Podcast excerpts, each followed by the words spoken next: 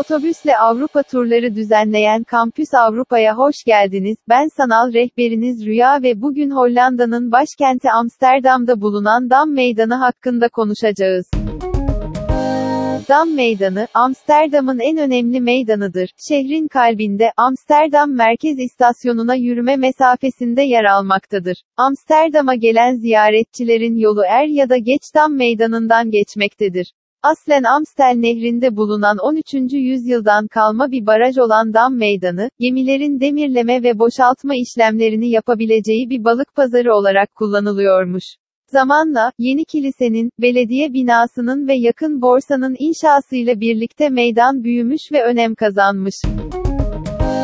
Dam Meydanı, gelen birçok ziyaretçinin, özellikle alışveriş yapmaları adına, yoğun bir odak noktasıdır. Meydanın Arnavut kaldırımı taşları üzerine kurulan sokak sanatçıları performanslarını yaparken, turistler fotoğraf çekmekte ve aynı zamanda güvercin beslemektedir.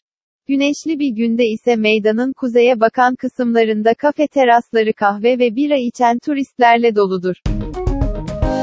Meydanda çok sayıda önemli yapılar mevcut. 1655'te tamamlanan görkemli Koninklijk Paleis, Kraliyet Sarayı, aslında Amsterdam'ın 1808'de Napolyon'un hükümdarlığı döneminde İmparatorluk Sarayı haline gelen belediye binasıymış. Meydanın tam ortasındaki tartı evi, Napolyon'un erkek kardeşi, Louis Bonaparte, tarafından meydanın manzarasını bozduğu gerekçesiyle yıkılmış. Kuzeybatı köşedeki sarayın yanında, gotik yapıdaki Nieuwkerk, yani Amsterdam'ın yeni kilisesi 14. yüzyıla dayanmaktadır.